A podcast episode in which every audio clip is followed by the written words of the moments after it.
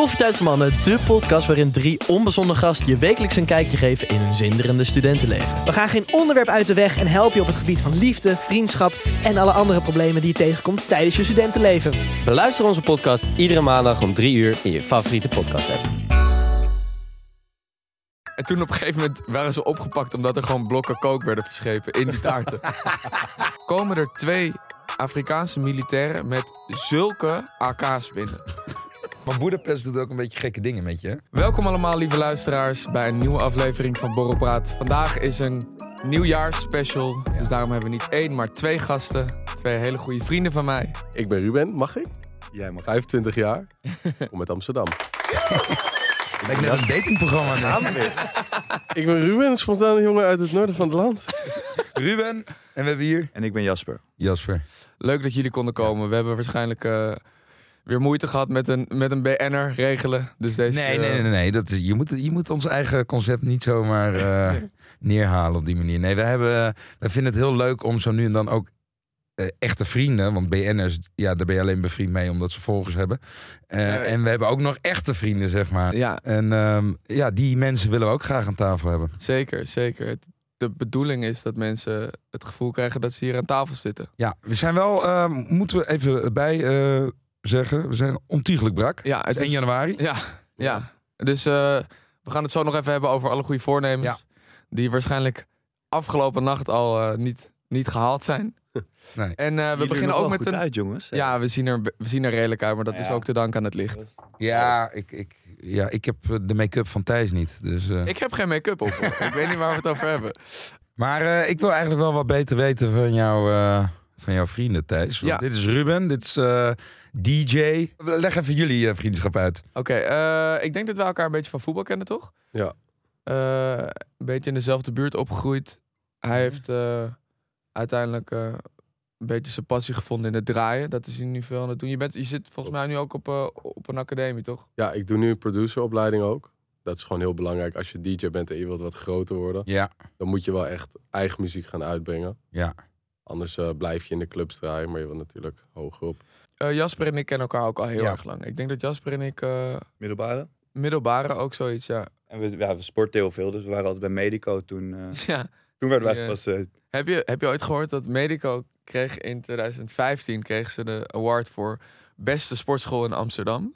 En in 2016 kwam er een nieuwsbericht dat een van de drie eigenaren was opgepakt omdat hij een mega meth lab runde. In die sportschool. Nee, nee, daarnaast on the side. Ja. Dus, dus, de, dus de beste sportschool runnen.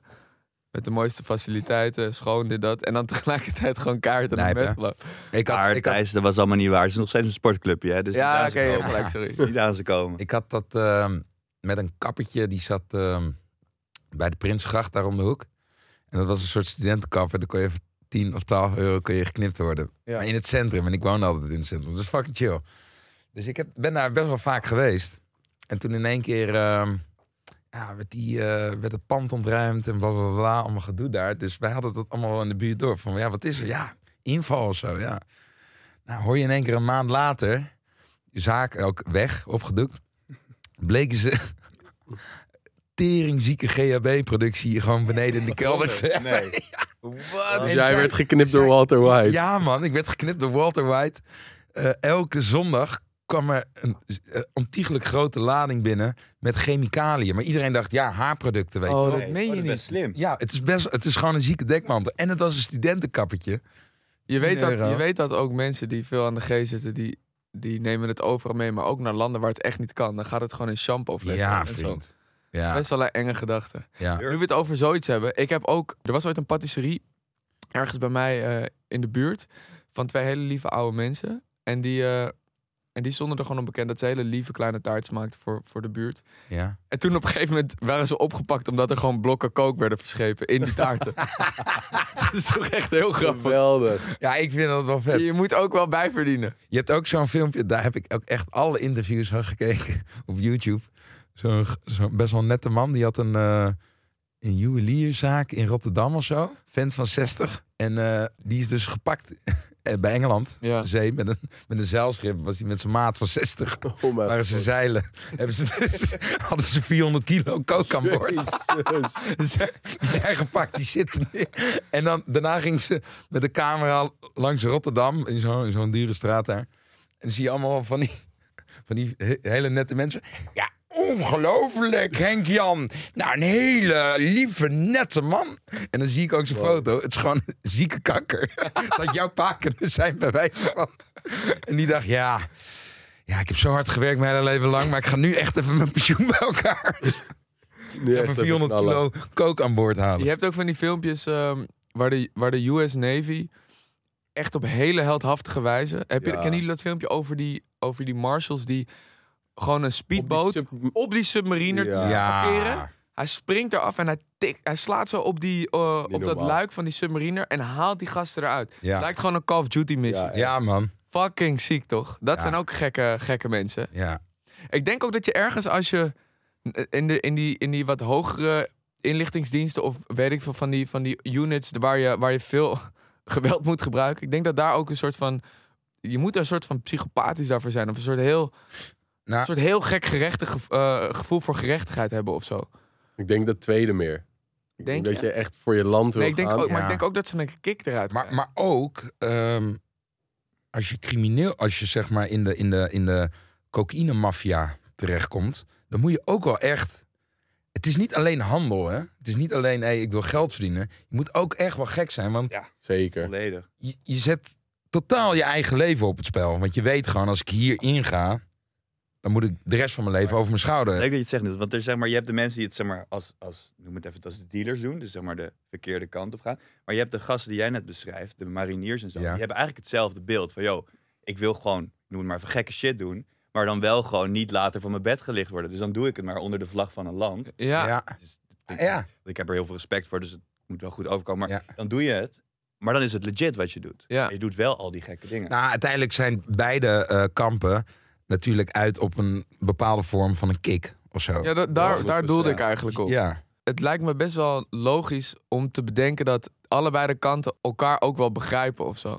Dus dat, dat zeg maar zo'n iemand die een echte boef oppakt. ja. Soms zie je dat toch ook wel, dat ze dan, dat ze dan respect hebben voor elkaar Ja, dat, dat, hij dat hij hem gepakt heeft. En dan doen ze een soort van vriendschappelijk bijna. Nou, dat is ook. Ik heb dat boek eh, De laatste drie Godfathers gelezen over de Italiaanse maffia. En dan Ja. heb je één zo'n eh, figuur, Tommaso Buscetta.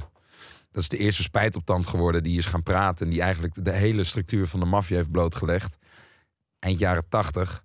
En de rechter Falcone, en dat was een man die echt eh, met heel veel eer en geweten eh, de maffia wilde aanpakken. Dat was echt de vijand van de, van de maffia. Want hij was niet corrupt. Een beetje de PTR de Vries van Italië, weet je wel. En ehm, hij is dus heel goed bevriend geraakt met die Buscetta. Mooi. Met die maffia. Die Ja, op een gegeven moment... eh, Ja. En hij zei, ja, een enorm intelligente man, die eh, Tommaso Buscetta. En eh, we hadden dezelfde hobby's, dezelfde interesses, we lazen dezelfde boeken. We hadden alleen één meningsverschil en dat ging over leven en dood. Hij zei, ja, dan moet iemand dood. Ja, En daar denk ik anders over. En dat is het enige waar we in ja verschilden. precies. Dus ze vinden elkaar er op best wel veel vlakken wel. Ja, Oké. maar eh, ja, je moet je lezen. Ja, dat klinkt wel vet. serieus. Ja. Sowieso is Italiaanse maffia is zo, heeft zoiets iets charismatisch. Ja. Het hele idee als je kijkt naar Sopranos dat ze zitten voor zo'n voor zo'n zaakje met een espresso en niet zoveel doen. is heel erg leuk. Het, en, en, dat, en vooral groots eten. Je hebt ook die scène in, ehm in Goodfellas waar ze dan allemaal vastzitten. Maar ja, dan wordt wel gewoon tijd uitgetrokken worden voor een goede lunch. Ja, Dus daar wordt, wordt wel een bolognese ingekookt voor, van, van vier uur van tevoren, weet je wel. ja, ja, ja. Grote mooie broden en zo. Dat heeft wel echt iets ja. het heeft ook zijn charme of zo. Eh, maar, waar, maar luister, waarom, eh, waarom denk je dat eh, het muziekgenre house tech nu het populairst is in, 100%. in alle grote steden in Nederland? Of over, over, misschien wel over de hele wereld? Ik denk het wel. Vooral in Nederland is het nu heel populair. Je had natuurlijk vroeger heel veel R&B en hip-hop feestjes. Ja. Ja, man. Ja, het is gewoon, het is inderdaad heel populair geworden.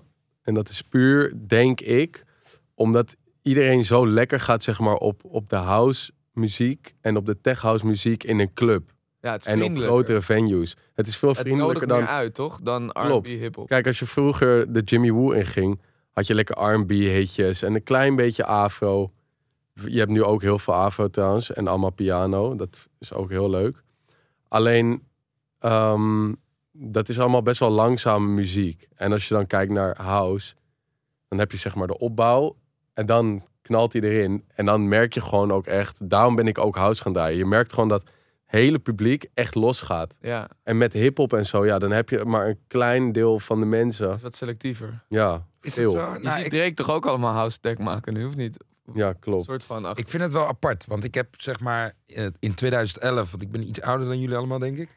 ja. 32. Ehm, in 2011 gaf ik al feestjes en toen begon ik met house techno. En dat was fucking moeilijk in Amsterdam. Ja, Omdat alle, eh, als, je, als je knappe vrouw in je zaak had, dan was je binnen eigenlijk. Ja. Dat was het doel. Maar knappe vrouwen, die, wilden naar R&B. rammen. Nee, Die gaan wil- rammen in het publiek. die willen hitjes horen, die willen Spice Girls horen. Abba. ABBA. Ja. En eh, ja, had ik house techno feesten, dan was het gewoon was het een beetje Vroeger was dat boysavond. inderdaad, vroeger was dat heel moeilijk. Moeilijk. Je had op Rembrandtsplein had je Club Claire.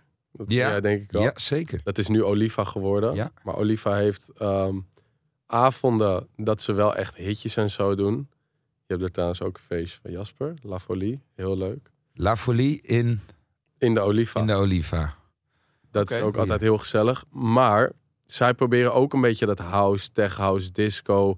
proberen zij weer een beetje terug te brengen. En dat is inderdaad denk ik puur omdat het zo populair is geworden. Ja. Wat En- leuk. ja, Ja. maar luister, we zitten hier nu allemaal redelijk brak. Heeft, eh, heeft een van jullie hier een voornemen die die voor zichzelf kan eh, waarmaken? Of gaat dat bij niemand van ons vier gebeuren? Jasper, Beginnen. jij zit een beetje zo eh, voor je uit te staren. Ja. Al te balen. ik- ik vind voornemens, ik heb het wel vaak bedacht, maar dan richting het eind van het jaar, oh, vanaf januari ga ik dat doen. Of ga Ja. ik dat doen. En ik vind het een beetje bullshit, want Ja. eh, je ziet ook vaak, dan ben je in de sportschool en dan, ja, afgelopen maand dan is er bijna niemand meer. Ja, en dan denk je, oké, wat dan? Waar de fuck zijn ze? En dan zijn ze zo van, ja, ik ga januari weer beginnen. Maar ik heb zoiets van, ja, doe het gewoon het hele jaar en ga niet dan janken van, oh, ik ga het doen. Begin Eens. gewoon, het moment dat je het voorneemt, begin dan en niet, ook doe het morgen of oh, Ja, vanaf eh, volgende week. Want ik vind Eigenlijk is bullshit. 1 januari, of januari is een beetje een eh, excuusje geworden. Of voor uitstelgedrag. Ja, tuurlijk. volledig. ja maar 1 januari ga ik het, eh, ga ik het doen. Ik moet eerlijk zeggen, ik geef je wel gelijk, maar ik, ik ga dit wel doen. Want het is wel, ja, het is Ja, maar gewoon, jij kan dit, Ruud. het is gewoon een mooi begin. Daarom heet het dan voornemen. Ja, Het maar- is gewoon mooi om het nieuwe jaar in te gaan. En ik denk ook wel dat ik het nu vast ga houden. Kijk, ik heb afgesproken met een vriend van mij, die traint gewoon al echt heel lang elke dag. Ik drink nu, maar ehm, ik doe wel dry January. En we hebben afgesproken dat gaan we vanaf 4 januari gaan we dat doen. nee, ja. Want sowieso. Vanaf 4 januari beginnen mijn voornemens. Want dat is een mooi moment. Ja. Eerst Ja, wil je ja. even borrelpraat. Ja. Van welk jaar, Ruud? wel. 2027.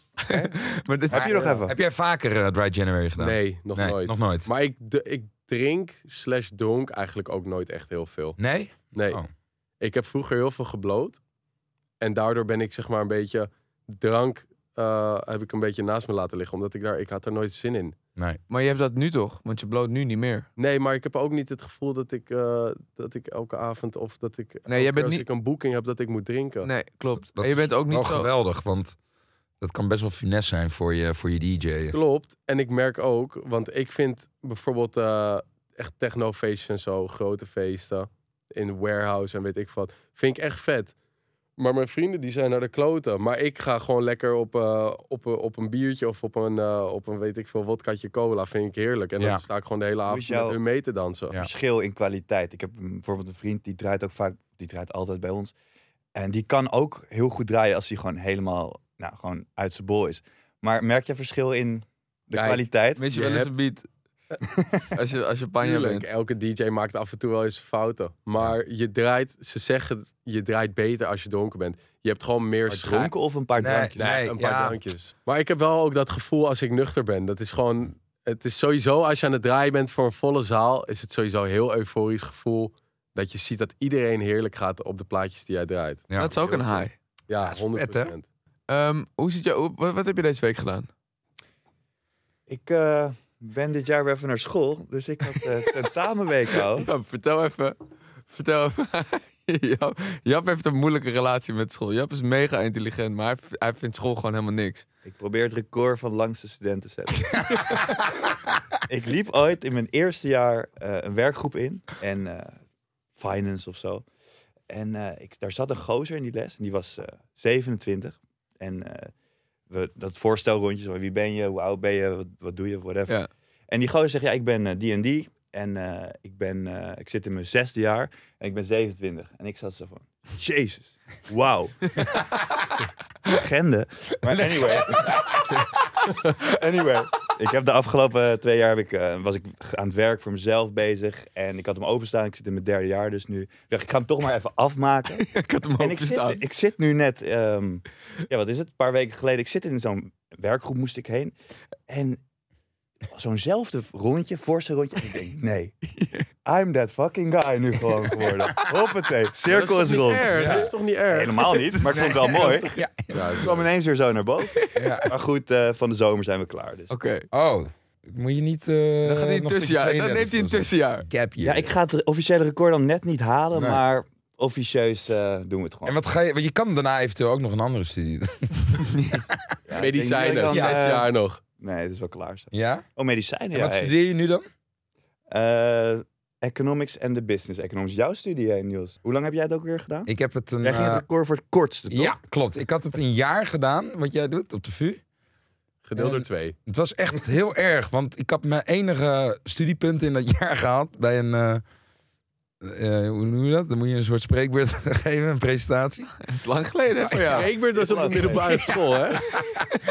Weet ik veel. Maar ik was zo'n lulverhaal aan het opbouwen. Maar ik echt, zeg maar, van een drol een gebakje maken. Weet je? Dus ik was op een gegeven moment met die, die eigenaar van de Lehman Brothers, of weet ik veel. Nou, die was ik aan het vergelijken met een pooier. En een pooier, en dan ging dat zo uitleggen. En iedereen was aan het lachen en ik kreeg een zes. En ik had het gehaald, maar gewoon omdat het wel een leuk verhaal was. Maar het was totale larikoek. Maar heb jij je studie afgerond? Eh, die niet. nee, die, eh, daar had ik zes studiepunten gehaald in een jaar. Dat was niet... In een jaar, zes. Ja. Dus je ging niet echt naar school. Nou, kijk, het, het, ging, het, het, het ging al fout, zeg maar, bij de hoorcolleges. Ik, ik, je moet een hoorcollege wel afmaken. En ik ging gewoon na een kwartier weg en dan ging ik eh, met de boys... eh, gingen we lunchen. roken. Ja, nee, en dan gingen we daarna... Ja, het was wel echt erg, want er was een tijd dat ik, zeg maar... Ik kreeg nog volle studiefinanciering. Ja, en ik- jij, hebt, ik jij leende- hebt die basisbeurs gepakt. bro. maar ik heb die niet kunnen pakken. Ik leende vol bij, dus ik kreeg 900 euro op het rekeningetje gestort elke maand. En dat hoefde je niet terug te betalen. Ja, dat moet, ik, ik ben nu vol aan het betalen. Maar Oh. eh, destijds was het, eh, was het echt een goed plan. maar het vervelende is alleen dat, ik, dat, dat je dan niet de hoorcollege afmaakt. En dat je daarna zegt, omdat ja, een soort complete vrijheid. Je bent 18, 19. Voor het eerst kan je zelf beslissen. Ga ik naar de college of niet? Nou, laat ik het even niet doen. Dus eh, Ja, die vrijheid heb je nooit echt ge- gehad op de middelbare school. En in één keer hebben alle vrienden om je heen hebben ook dat gevoel van vrijheid. En die lopen dan op te gooien. "Eh, moeten wij niet even naar de kroeg? Ja, ik denk het ook wel. Gingen we gewoon op dinsdagmiddag. Gingen we om twee uur in de kroeg zitten en een beetje poelen. En eh, het was een soort van. Je kent toch je examenreis? Die waren we nog met een jaar aan het verlengen.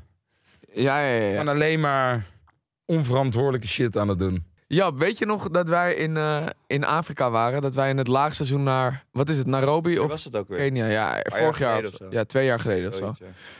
Daar is, het ook, daar is het ook zo helemaal uit de hand gelopen. Daar, waar je zeg maar met acht gasten heen gaat. Ja. Dat eh, denk ik idee. drie, eh, drie kwart jaar van tevoren boekt. En het dan vergeet. En dan komt op een gegeven moment komt die datum dichterbij. En dan voor je het weet heb je nog een week voordat je twaalf dagen in Kenia gaat zitten in het laagseizoen. Oh ja. Totaal onderdacht. dus wij zaten ook op dat vliegtuig. Onvoorbereid. Het hele- we hadden niks gefixt. Hij had Althans, niet eens een visum. Die, dat moest hij de dag zelf nog doen. Dat was dramatisch. ja, dat was, Je Martijs regelt alles toch altijd heel erg op tijd. gefixt, wat ik niet had verwacht. Maar maar in ieder geval, wij gingen daar met acht gasten heen. Ja. Ehm, dit was laagseizoen, dus we werden al aangekeken van wat, wat is de functie van acht gasten die hier nu komen? Wat willen jullie doen? Er is heel weinig. het is mid-corona, alle clubs zijn dicht. Eh, behalve dan de drie van de president, want die waren wel open. Ja. Eh, en er was één club die heette de, de Onyx. Toch, Jap? oh, goed dat je nog weet. Ja, man. Die heette de O- Daarboven. Ja, ja. Ja. Wij zijn toen van de Onyx Dat was een van die drie clubs die open was Ja. in, eh, in eh, mid-corona door die president. We kwamen eraan. eh we wisten niet echt hoe we ons moesten ged- gedragen daar. Maar we hadden het wel heel leuk. En op Ja. een gegeven moment hadden we... Het kostte allemaal helemaal niks. Dus we hadden op een gegeven moment een ta- allemaal tafels. En Ja, een alle- beetje spannend, vreemd land. allemaal eh, shisha bij gehuurd. ik weet niet eens waarom we dat deden, want niemand rookt echt shisha. Ja. In ieder geval een hele leuke avond gehad. Toen zijn we teruggegaan naar de compound waar wij zaten. Want een vriend van ons die, die woonde daar en die nam ons mee daar naartoe. Maar dat was, dat was een gated community. Dus we dachten dat we daar redelijk eh, vrij uit konden. Veilig. Veilig ook Ja. en zo. En dus toen zijn we daar op die avond zijn we daar helemaal losgegaan. In dat huis. Maar ik herinner me heel weinig van die avond. en er is een moment gekomen waar er op de deur geklopt werd. Waar iedereen zijn kamer in rende. Omdat wij natuurlijk echt niet wisten wie er überhaupt kon aankloppen. Want iedereen was al binnen. Komen er twee Afrikaanse militairen met zulke AK's binnen. zulke jongens. Nee. En Waarom Ik- kwamen ze ook nog- weer thuis? weet je dat echt niet meer? geluidsoverlast. Oh ja, wat dan? Ah. ik was gewoon, eh, weet ik veel, we waren gewoon muziek rondrennen, een beetje dom doen. ja. Maar goed, geluidsoverlast. Dat is helemaal geen legitieme reden om met een AK iemand op te pakken. Maar prima. Ik rende naar de, naar de slaapkamer waar ik zat. Ik ging me verstoppen achter de wc. Dat kan niet echt. je, je, je wordt gewoon gezien. ja. Daarna dacht ik, oké, dan fake ik dat ik slaap. Dus ik ben in slaap gevallen. Maar ik was... Ik heb iets in mijn, ik- ik heb iets in mijn, in mijn hoofd dat ik als ik soms overtuigd ben van iets, ja. dat ik, eh, dat ik het dan echt geloof. Dus ik dacht, ik ga slapen. Ik heb niks verkeerds gedaan. En eh, ik zie wel wat er gebeurt. Maar dan kan ik, zeg maar, dan kan ik mezelf in slaap krijgen. Dus ik val in slaap. En ik word de dag daarna wakker. En ik word wakker met een geluid. Eh, Er, er is een man heel hard aan het schreeuwen in, in de woonkamer. Dus ik kom die woonkamer in. Is de huiseigenaar. En de minst debiele gast van die groep, die is daar met hem aan het praten. Ik kom daar aanlopen. Ik zeg, wat is er aan de hand? Die jongen, die zegt, eh, ja, ja eh, ik, weet niet meer, ik weet niet meer wat we moeten doen. Er zijn vijf gasten zitten in een Keniaanse cel. En wij zitten hier opgesloten. Ik zeg, hè? En ondertussen is die huiseigenaar, die, die lult mijn oren eraf. Dus die schreeuwt. Ik zeg, no, no, no, no, no, wait, wait. I want to see my friends first before I pay anything. Uh, I want to know what's up. Where are they? Um, what happened yesterday? Who were the guys with the AK's? Ja. Krijg natuurlijk geen antwoord. Komt een derde vriend, die komt eruit, want die was gevallen op een motor. Die liep daar heel mank met een, met een kruk. Die, die keek me aan. En ik krijg helemaal de slappe lach van die gast. Want dat is een, soort, dat is een hele intelligente gast. Ja. Maar ook helemaal gek. Dus ik praat met hem en hij zegt, ik zeg, yo, iedereen zit vast. Iedereen zit in een cel.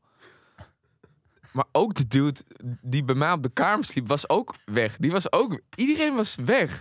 Dus ik zeg van, wat moeten we, wat moeten we nou, hoe regelen we dit? Ja. Dus hij zegt, ja, ik, ik weet het niet zo goed. Ik ga eerst even drinken. Dus ik zeg, nee gast, je moet nu even. Dus die gast, Dat is echt hij vluchten pakt- voor je hij, pakt, hij pakt een biertje, hij, Oh. hij drinkt dat biertje op. Die ene gast die met die huiseigenaar aan het praten was, die, die kijkt naar ons en die begint gewoon te janken. Die, die denkt, wat, waarom ben ik met deze twee nog opgescheept Ja. hier in dit huis? Ze gaan het niet fixen. Nee. En ik dacht, ik, maar ik, was ook een, ik was ook een beetje melig. Dus ik denk, nou, ik ga ook meedrinken. Ik vind het namelijk wel een hele grappige soort van... Ja. eh, een, soort, een hele grappige soort van eh, David Duchovny in Californication. Hoe heet hij ook? Hank Moody achter. Oh, laten we een beetje gewoon kijken hoe alles ons over, overvalt en hoe, het, hoe, hoe we ermee omgaan. Ja. Dat was natuurlijk super dom. Wij gewoon een beetje drinken. Op een gegeven moment is, zitten we nou, zes uur verder en we, hebben helemaal, we zijn helemaal niet verder gekomen. We hebben die gasten niet teruggevonden. We zitten nog steeds opgesloten in die compound. Watertoevoer is gestopt. Oh, die hadden ze ja, uitgezet, wij, hè? zitten, wij zitten ook soort van vast. Waarop er een punt komt dat die gast zegt: Oké, nou, ik ga nu even wat regelen. Die begint met allemaal doktoren te bellen en, eh, eh, Ambassadeur. en ambassadeurs te bellen. En die houdt een betoog terwijl hij zo'n half blik bier in zijn hand heeft. Maar die verwoordt alles zo goed dat alle bellen gingen rinkelen bij iedereen die gebeld werd. Dus binnen, binnen twee uur stonden alle andere boys stonden vrij voor die, voor die cel. Nee. Thijs, ik vind het echt geweldig, jouw, jouw variant van het verhaal. echt, Maar dat is Jasper- totaal niet waar. Jasper, die heeft in die cel gezeten. En zoals met elk verhaal hebben we jouw kant, mijn kant en de echte waarheid. Dus ik zal maar beginnen met het tweede deel. Jij bent gemarteld. Ja, Hoe vertel kom er naar me. bij. Vertel Nee. even hoe het... Jap, nu is het aan jou om jouw kant van het verhaal te vertellen. Hoe, hoe jij die Keniaanse cel hebt ervaren. Nou ja, ik laat ik even beginnen met waar jouw verhaal eindigde. Dus Thijsje, die, als, ja, die was dus blijkbaar gaan slapen en in slaap gevallen. En mijn deel van dat verhaal begint met het moment dat ik op die deur... Ik, ik, ik lag al in bed en ik hoor op die deur boem, boem, boem. Dus ik loop naar die deur. Ik zie ineens een lege woonkamer. Muziek staat aan en, en een deur waar gewoon echt mensen naar binnen willen. Dus ik doe die deur open. Hoppatee, boem. Twee, twee eh, militaire gasten met inderdaad AK's. En dan niet zeg maar met een legeruniform. Nee, met een soort van halve bontjas. Een bondkamer. ja, het was, het was, Dat is zo eng. het klopte niet helemaal. Ziek. Heel apart. Maar goed, dus die naar binnen van... Hey, eh, loud music, eh, overlast, dit, dat. En ehm, dus ik denk, oh jongens, wa- wat, wat is hier gaande? Dus nou, ze moesten en zouden naar binnen. Ze zitten in die woonkamer. En ik begin een beetje met ze te praten. En op een gegeven moment zitten ze een beetje, komen ze wel op hun gemak. Ze, hè, het, het gaat de goede kant op. Wat bleek nou? Ze, die mensen daar wilden... Het was midden corona, er waren niet veel buitenlanders. Iedereen wilde gewoon ja, wat geld hebben. Gewoon eventjes een bribe en dan was Ja. het weer cool. Nou ja, dus daar gingen we naartoe. Daar waren we onderweg om die bribe te betalen. Totdat een van onze geniale medegroepsgenoten komt en die zegt van... Jongens, nu weg, in het Engels. Of we halen de ambassadeur erbij. Ja, en toen hadden we echt de pop aan het dansen. Want daar waren ze echt totaal niet van te spreken. En toen was het oké, you come with us to jail. Dit, we, we regelen het wel op bureau, dit en dat. Nou, dat ging een half uur lang door. Totdat ik eventjes in alle kamers op zoek ging naar geld en, en contraband. Om het nog wel... Ik had het idee, we gaan gewoon naar die cel. Dit wordt gewoon, ja, zuur. Dus ik was alles bij me in mijn onderbroek aan het stoppen. Zodat we nog enigszins een oké tijd hadden. Ik had misschien iets te veel... eh Locked Up Abroad gekeken, dat zou kunnen. maar goed, ik was, ik was voorbereid, laten we het zo zeggen. En, nou, dus wij lopen die, die trap van het appartement af. We moeten in zo'n militaire legertruck, weet je wel, met zo'n- Ja. zo'n- zo'n- waar je achterin stapt. Ja, Dus wij, vier mensen moesten mee, want we hadden wel onderhandeld. Van de acht hoefden er maar vier mee. ja. Dus wij zitten er op een gegeven moment op het bureau. En ja hoor, het was exact zoals in Locked Up Abroad. Een celletje, alles viel uit elkaar. Die mensen waren onaardig tegen ons. De hoofdcommissaris, ik weet het zeker, was lam en was aan het tappen. En Nee. ondertussen met zijn geweer aan het spelen. Ik, ik zweer het je, ik zweer het je. Ja, het was heel tof. En wij op het nou, op- loop maar mee, ga maar even in dat celletje plaatsnemen. En er was een voorafcel en een achterafcel. De achterafcellencomplexje. Dus wij mochten in eerste instantie daar voorin zitten. Prima. Wij zitten daar en we waren ook natuurlijk, het was een uit, wat Thijs vertelde, we, hadden, we waren uitgegaan, dus we zaten nog in de stemming. Alles was gezellig. We gingen een beetje dat, dat liedje zingen van I'm sorry, weet je nog? En dan moet je maar afspelen als dat kan. En we waren push-ups aan het doen. Het was allemaal nog fatu. Maar ja, na twee uur was het wel gewoon een stuk minder fatu aan het worden. Want niemand hielp ook. En, en gelukkig had ik dat geld, dus we konden wat spullen kopen. Eh, we mochten een watertje kopen, een stoel kopen met drie poten voor een tientje. Ja, het ging echt helemaal nergens over. Huh? Je Ja. kan in de cel. Nee, nee. Oh, sorry. Dit was een onderhandeling. Dus, zeg maar, Onderhandeling. dus van, yo, mag ik jouw stoel? Of mag ik jouw watertje? Zo, zeg maar, zo ging het. Alles wat je nu voor je ziet, exact zo was het. Totdat inderdaad na een paar uur, en ik weet niet of dat kwam doordat dat het zo goed was onderhandeld vanuit onze jongens die echt voor ons aan het zorgen waren, Thijs, hè, die echt hun best aan het doen waren. Biertje erbij, maar goed, echt hun best aan het doen waren om ons vrij te krijgen. Ja, ja, ja. Ik denk het niet, maar goed. Op een gegeven moment, na een uur of vijf, komt die, die gozer, de, de, de, de rechterhand van de hoofdcommissaris, die, komt, die zegt, jongens, loop maar mee, we gaan, we gaan het regelen op, op het, zeg maar, het kantoortje buiten. Prima. Wij lopen daar naar buiten. En op een gegeven moment, ik, zo, we lopen alleen met die gozer. Weer een gozer met gewoon een normale jas aan. Beetje een boevenjas, geen uniform. Pistool op zijn heup. Dus ik, denk, ja, ik, dus ik zeg tegen "Yo, weet je wat, we blijven wel daar. Het is allemaal goed zo, maar ik, we zien het wel. We wachten wel gewoon die zo. Hij zo, zo, no, you come with us. En hij tikt zo op zijn zak, zo op die, op die gun. Dus het was oké, toon is gezet. En ja, toen was het een uur of acht, negen in de ochtend of zo. En we zitten daar tegenover die gozer aan een bureau, aan die hoofdcommissaris. En die, ja, toen was het wel echt gewoon, ik kijk naast me, die jongens ook allemaal lijkbleek. Het was wel gewoon echt, echt best wel zuur. Soort Ja, dat- gewoon een hele heftige versie van een tourist scheme. Ja, onder, ja, zoiets. Ja. Ja. Dat, hè? Dat Ja. was het precies. En dan zal ik je vertellen hoe dat verder ging. Want hij zegt, of oké, hij wilde iets van eh 1000 euro, 2000 euro per persoon hebben. Ja, dat ging In euro. In euro, ja. In euro. Hij dacht, oké, kassa. Ja, Jij zat lekker bier te drinken, je hebt er niks van meegekregen. Nee, nee, Thijs was heel hard bezig om ons vrij te krijgen. Ja. Dus, eh, nou, en een van de jongens had, had het eh, slim idee om te zeggen, nou, we hebben, een we hebben maar één kaart bij ons en daar staat 500 euro op. Met andere woorden, dat is onze limiet. Die gozer zit zo in zichzelf te praten, zo. I asked them for 10.000 euros.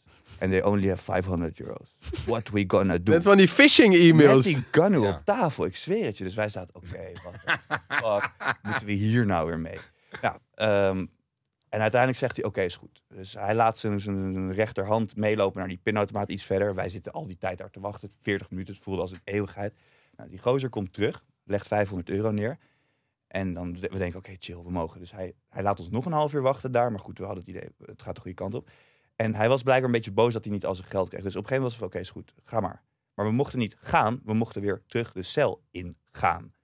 Ja, en als je dan zeg maar vrij bent geweest, hebt geproefd van het vrije leven en dan weer terug moet. Oh. Oh joh, oh ja, het was verschrikkelijk. En omdat de wachters hadden gewisseld, ik had je verteld over dat achterzoutje en het voorzoutje Ja. hadden we zeg maar, de mensen die zeg maar, eh, ook een centje hadden verdiend, die, ehm, die waren er niet meer. Dus voor nieuwe lichting, nieuwe regels. Dus wij moesten daarachter gaan zitten. En wij kwamen daar met de lokale schavuiten in de cel. Oh. Ja, en een van de jongens van onze groep vond het wat om te zeggen dat ik een, een, een, crypto-investeerder was. Dus ik had ook nog eens de aandacht van het hele publiek daar. Nou, we waren vrij snel... dat- Zo, ja, ga je het was zo slim. Iedereen was zo In die slim. situatie nog elkaar hij heeft een beetje echt heel veel geld. Hij heeft heel veel Hoezo? Dan geld. ga je toch als broeder... Oké, we moeten hier samen doorheen. Nee, maar- jij gaat nog even dat iemand fucken wel- in de cel. Ondertussen werden er ook wel gewoon grappen gemaakt en zo. Maar Ja. inderdaad, het was niet heel handig. Nee. Het was echt niet heel handig. Nou, dus uiteindelijk, na nog eens een paar uur daar gezeten hebben, komen we die cel uit. En ik zie dat licht. En die jongens om me heen ook allemaal, we waren gewoon blij. En wie kom ik tegen op straat? Thijs en zijn fucking pretkop. Jongens, wat leuk dat jullie weer vrij zijn. Kom, we gaan feesten. En ons hoofd stond zo niet naar feest. Weet je dat moment nog? Ja, want niet? wij zijn toen naar een, om, dat, om even, even af te koelen, zijn we naar een zo'n soort vijf sterren resort gegaan om even alles te vergeten. Ja. Maar ik was inmiddels met die vriend gewoon heel dronken geworden. Dus wij zaten daar. en wij vielen in slaap. Ergens in het gras. want Het was heel lekker weer. Zijn wij, zij waren zo boos. Dus zij zijn weggegaan. Hebben ons achtergelaten. En wij hebben ergens, ergens hun moeten vinden weer. Gewoon acht uur later. Jij bent toch ook laatst in Budapest geweest? Ja, zeker. Vorig Wij zijn, wat, wij zijn ook, of als we het toch over onze vriendengroep hebben, wij zijn een tijd terug ook gegaan. Eh, Jasper, vertel even over de dag van jouw verjaardag. Jezus. Nou ja, we kwamen daar uit mijn hoofd op eh, donderdagavond aan. Ja, donderdagavond gingen we naar Boedapest. Ik was die zaterdagnacht op zondag jarig. Dus we hadden donderdagavond, hadden vrijdagavond en we hadden dus dan de zondag nog soort van.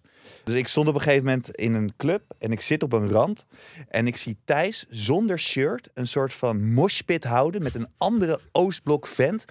en, ook, en op een gegeven moment komt hij naar me toe. Kijk, kijk Jap, ik heb bloed. En dat was een beetje de stemming. En, ze, en eh, iedereen ging los en op elkaar inbeuken en zo. Maar goed, dat is nog wat ik weet van vrijdag. En inderdaad, zaterdagmiddag en avond hadden we mijn verjaardag. En dat ging als volgt. In de middag hadden we een lunch. En dan denk je, oh gezellig, de jongens gaan lunchen. Nou, vet niet. De jongens gingen vanaf één uur 's middag gewoon keihard, keihard tanken. En het was een prachtige, prachtige eh, restaurant. En we zaten een beetje achter in de hoek. En eh, dat, na de eerste ronde ging nog wel, de tweede ronde ging nog wel. En na de derde ronde ongeveer zat onze Mozart, hè, Ja. zat op een gegeven moment eh super lam zonder shirt in die tent piano te spelen. Dat was Voor iedereen, maar mooi iedereen. ook hè. En ja, iedereen was maar wat aan het doen en aan het zuipen. En we hebben daar uiteindelijk een uur of vier, vijf gezeten. We waren op een marktje en de- daar waren allemaal oude Russische dingetjes om te kopen uit de oorlog. Dus ik had eerst allemaal speltjes gekocht voor iedereen. En die konden ze op hun shirt doen. Alleen er was één gast die deed dat natuurlijk weer in zijn huid. Dus die had op een gegeven moment een speld in zijn, in zijn borst letterlijk zitten. Maar die gingen toen allemaal. Ik ging even, ik ging even ergens heen. Ik, moest, ik werd even, was overprikkeld, dus ik ging even Ja. ergens, ergens zitten. Toen ben ik naar de overkant gegaan. En toen kwam ik een vrouw van 50 tegen. Eh, Mooie vrouw. N- Nee. Oh. Toen kwam ik een vrouw van 50 tegen. Niet, niet een hele bijzondere vrouw of zo, maar ze was alleen aan het eten. En ik voelde, dat, ik voelde, me, voelde me heel schuldig dat ze in haar eentje aan het eten was. Dus ik begon bij haar te zitten en ik raakte gewoon aan de praat. Maar als, als in, ik wou haar gewoon een beetje be- eh, gezelschap Ja. En toen heb ik op een gegeven moment, ging ik ook eten daar. Maar ik was vergeten dat wij met z'n allen een verjaardag van Jasper aan het vieren waren. Dus toen ging, Weer? een uur, la- een uur later terug en toen was iedereen weg. Toen ben ik drie uur later ben ik aangekomen bij die verjaardag. Met die vrouw. En, toen, en ik zei van jongens, dit is zus en zo. Ze, zij gaat vanavond met ons mee drankjes drinken en een leuke avond hebben. Want ze is helemaal alleen. En iedereen kijkt maar van, hè, maar je bent één, niet bereikbaar. Twee, drie uur te laat. En drie, je brengt een wildvreemde naar een verjaardag. Ja. Wat niet boeide. Wat, wat niet boeide overigens. En toen zijn we naar een club gegaan. Waar Jasper alles helemaal mooi had geregeld. Ja. En toen was er één dude. Die was zo dronken. Die sprong met die sp- maakte een soort boksprong op de tafel. Schaafde met zijn knieën heel die tafel weg. Dus alles was weg. Dus alle flessen, alle drank, alle bekers, alle rietjes. Alles was weg. Toen waren we binnen 10 minuten we waren weer buiten. Behalve de jongen die zelf die sprong had gemaakt. Want die, was, die was een soort van niet gezien in het hele geheel. En die ble- bleef toen achter in die club als enige. ik ben geëindigd in een stripclub waar ik aan het janken was. Eh, Daar vond ik hem op een Jasper heeft mij toen opgehaald. Toen zijn we teruggegaan naar Amsterdam. En toen heb ik deze hele drie intensieve dagen proberen te vissen uit mijn hoofd. Want Ja, ik, was, ja. ik was echt... Ik, dat gevoel ken ik zo erg. Maar Boedapest doet ook een beetje gekke dingen met je. Eh, ik had daar eh, een bachelorparty met vrienden. En als je op een gegeven moment, weet je wel, de 30 gepasseerd bent, dan krijg je het gevoel. Of je wilt, je wilt het vooral jezelf aanpraten. Wij zijn tegenwoordig volwassen mannen. Eh, we hebben een paar, we hebben kinderen. Wij doen gewoon lekker een biertje bij de bachelor. En dan vieren we hè, eh, de laatste dagen van zijn eh, niet getrouwde leven. Nou, dat is dus eh, totaal niet de realiteit. Want je wordt weer zo banaal als dat je 16 bent. En begon al met inchecken. Wat hebben die gasten geregeld? waren twee van die gasten die dan alles regelen. Die hebben niet een Airbnb of een hotel gehuurd. Die hebben een kroeg afgehuurd. waar boven tien slaapbedden, Oh, stapelbedden stonden. Maar de, de kroeg Lekker was ons. Ja, dus wij komen binnen en we zitten meteen te tappen. Ja, tuurlijk. Dus zeg maar, die tap die heeft niet uitgestaan. Die heeft gewoon vier dagen lang... Ja, lekker. Ja, echt gewoon alleen maar hey, biertje, biertje, 's ochtends biertje. Nou, Mooi. darten, eh, keihard party. Ja, dan krijg je dus allemaal activiteiten. Maar die activiteiten, die, die heb je helemaal niet door eigenlijk. Ben je nou aan het doen? Ja. weet je, wel? Je, je bent er niet. Dus we gaan op een gegeven Zo we gaan- relatable. we gaan voetballen met van die kussens, maar iedereen is totaal lam en heeft niet door wat, wat hij aan het doen is. Vervolgens gaan we een bus in en zien we de stad. Ik heb niks van de stad gezien. Nee, ik ook Ik niet. zit alleen maar zo. Jij wel. Ik ook hele... Jij bent heel veel op pad geweest. Ik heb echt precies wat je nu zegt. Ik weet niet wat, wat dat met Budapest is. Wat vond je het mooiste tijdens de Starbucks? Ik vond helemaal niks mooi aan Budapest. ik vond helemaal niks mooi aan Budapest. Het was, echt, het was voor mij echt een heel zwart weekend. waar ik niet aan terug wil herinnerd worden. Het was echt. Echt. Ik heb één vierkant blok gezien. En ik, heb, en ik ben ook gewoon in treinen. We hebben in allemaal plekken gegeten. Ja. En allemaal clubs geweest. Ook al die clubs hadden een soort van allemaal extra ruimtes en zo. Allemaal een soort het gevoel dat ik de hele tijd in een grot was. ja, grap. Maar wij, volgens mij zijn we in dezelfde tent geweest. Ja. Want je hebt één zo'n tent. eh, want ik was op een gegeven moment, natuurlijk ben je altijd in één keer. Er komt een moment dat je iedereen kwijt bent. Ja, de hele tijd. Dus, dus dan sta je weer ergens in de tent. hè, waar is iedereen? Eh, je, je krijgt je, je telefoon niet eens meer van lok af, weet je wel. Niks, niks lukt meer. En ehm, toen kwam ik in één keer bij een tent aan en dat was met die grot. En daar ben jij volgens mij ook Ja, geweest. Volgens mij zijn we En daar. daar eh, kwam ik binnen en toen zag ik dus... Je wil niet weten wat ik aantrof. Ik zag dus In die grot. vriend. Dat is de meest lompe gast ooit. Dik boven benen, weet je wel. Die kan niet dansen. Maar die was daar ook een dance battle aan het houden. Maar die ging breakdansen, wat hij niet kan. Dus er stond een hele cirkel in die tent. En hij staat op zijn hoofd en loopt zo te doen bij een gozer. Yeah. Ja, maar dat doet die club met je. Want dat is diezelfde club waar ik Hij ben gaan stoeien. Hij is In- uitgezet en zei: Nee, nee, I'm the star of the show. En hij werd er letterlijk door twee mannen zo uitgedragen. En what the fuck gebeurt dat ik ook een keer naar Ja, moet als ik deze verhalen hoor. Hè? Zeker ik, ik raad het je echt, echt heel erg af. Ah, kijk, weet je wat het gewoon is? Eh, Wij nog het idee, oh, we gaan naar thermobaden, dit, dat, zus. Zeg, ik heb geen thermobad gezien. Helemaal niks. je, kijk, het is heel moeilijk, zeg maar, als jij gewoon niet vol gas wil gaan. Is het heel moeilijk om als enige te zeggen: nee, doe maar niet. Die Ga, champagne. dan moet je gewoon niet mee. Doe maar niet. Dan moet je gewoon niet mee. Want, ieder, want er is gewoon, als je met een groep van 12 bent, er is gewoon minimaal één iemand die de boel loopt op te fokken. Ja. En die loopt continu. Is, is het alweer zover? Eh, weet je wat, tien uur 's ochtends. Eh, doe maar tien eh, shotjes. En dan iedereen super brak. Nou ja, en dan ga je drinken. En dan ben je om één uur 's middags ben je weer... eh. Nee, Helpt wel. sterker nog, ik denk dat het, als je met zo'n groep bent en die groep is hecht, dan, zijn er, dan is het niet één iemand. Dan is, is bijna iedereen bezig ja, met elkaar te overtreffen. ja, dat. En, dat, en dat is gewoon een recept, dat is een recipe voor disaster. Dat kan alleen maar fout uitpakken. Ja.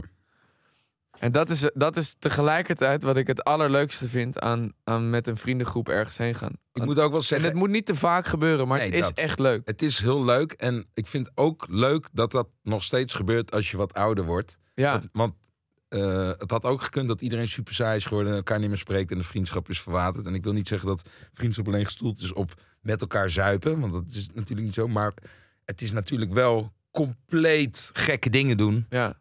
Met elkaar en weer nieuwe verhalen bouwen. En dat doen we nog steeds met elkaar. Ja. Dat, dat is het mooie, dat dat niet alleen op je 25ste gebeurt.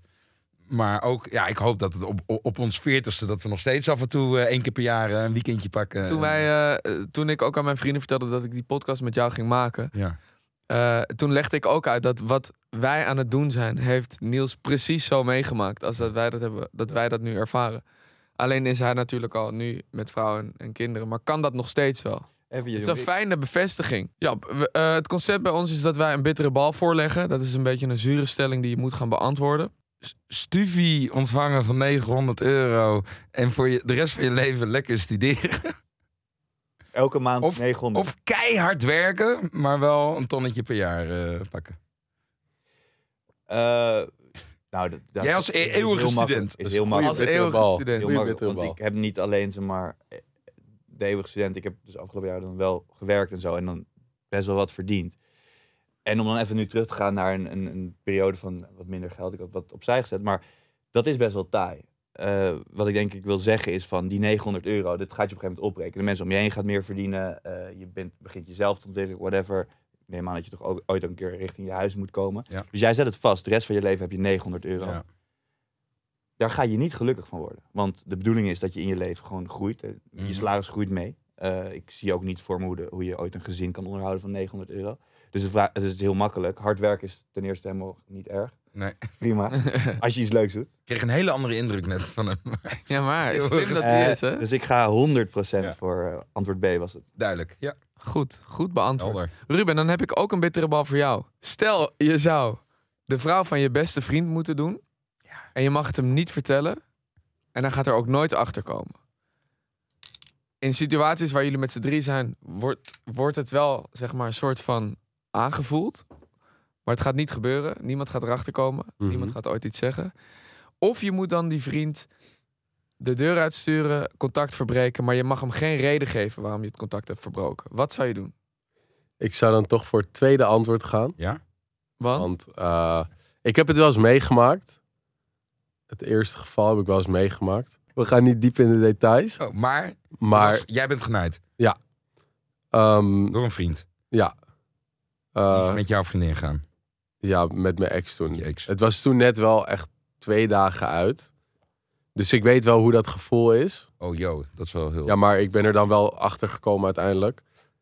En als iemand er niet achter komt, dan loop je denk ik zelf toch wel met het gevoel in je achterhoofd van... hé, hey, Ja. ik heb dit gedaan bij hem, dat, dat blijft niet lekker zitten. Dus dan zou ik wel voor het tweede antwoord gaan. S- Vind ik ook wel een soort van solidair. ja, eigenlijk. liever in ere. Ja, toch? Ja, tuurlijk. Nou, dan, Ja. ben jij, eh, dan heb je een goede inborst, jongen. Ja, zo ben ik wel. Ja. Nou, Ruben en Jasper, dan wil ik jullie heel erg bedanken dat jullie langs wilden komen in deze ja, New Year special met de vrienden van Thijs. Jullie Eh, bedankt dat wij, eh, dat wij aan tafel Ja, dankjewel jongens. Ruud, gezellig. Ik wens jou heel veel succes met eh, studeren. Ja, dat moet, moet wel lukken Ik ben denk ik. benieuwd hè. naar je scriptie. En ik zie jou eh, eh, op het feestje binnenkort waar je staat te draaien. 100% Draai. January, hè? Draai, oh, Ja, dat Dra- wel. Draai Nee, de January. vierde pas Thijs. Hij, hij heeft nog drie dagen. Oké dan jongens, dank jullie wel. Yes. Ciao, Later, ciao. man. Ja. Ciao.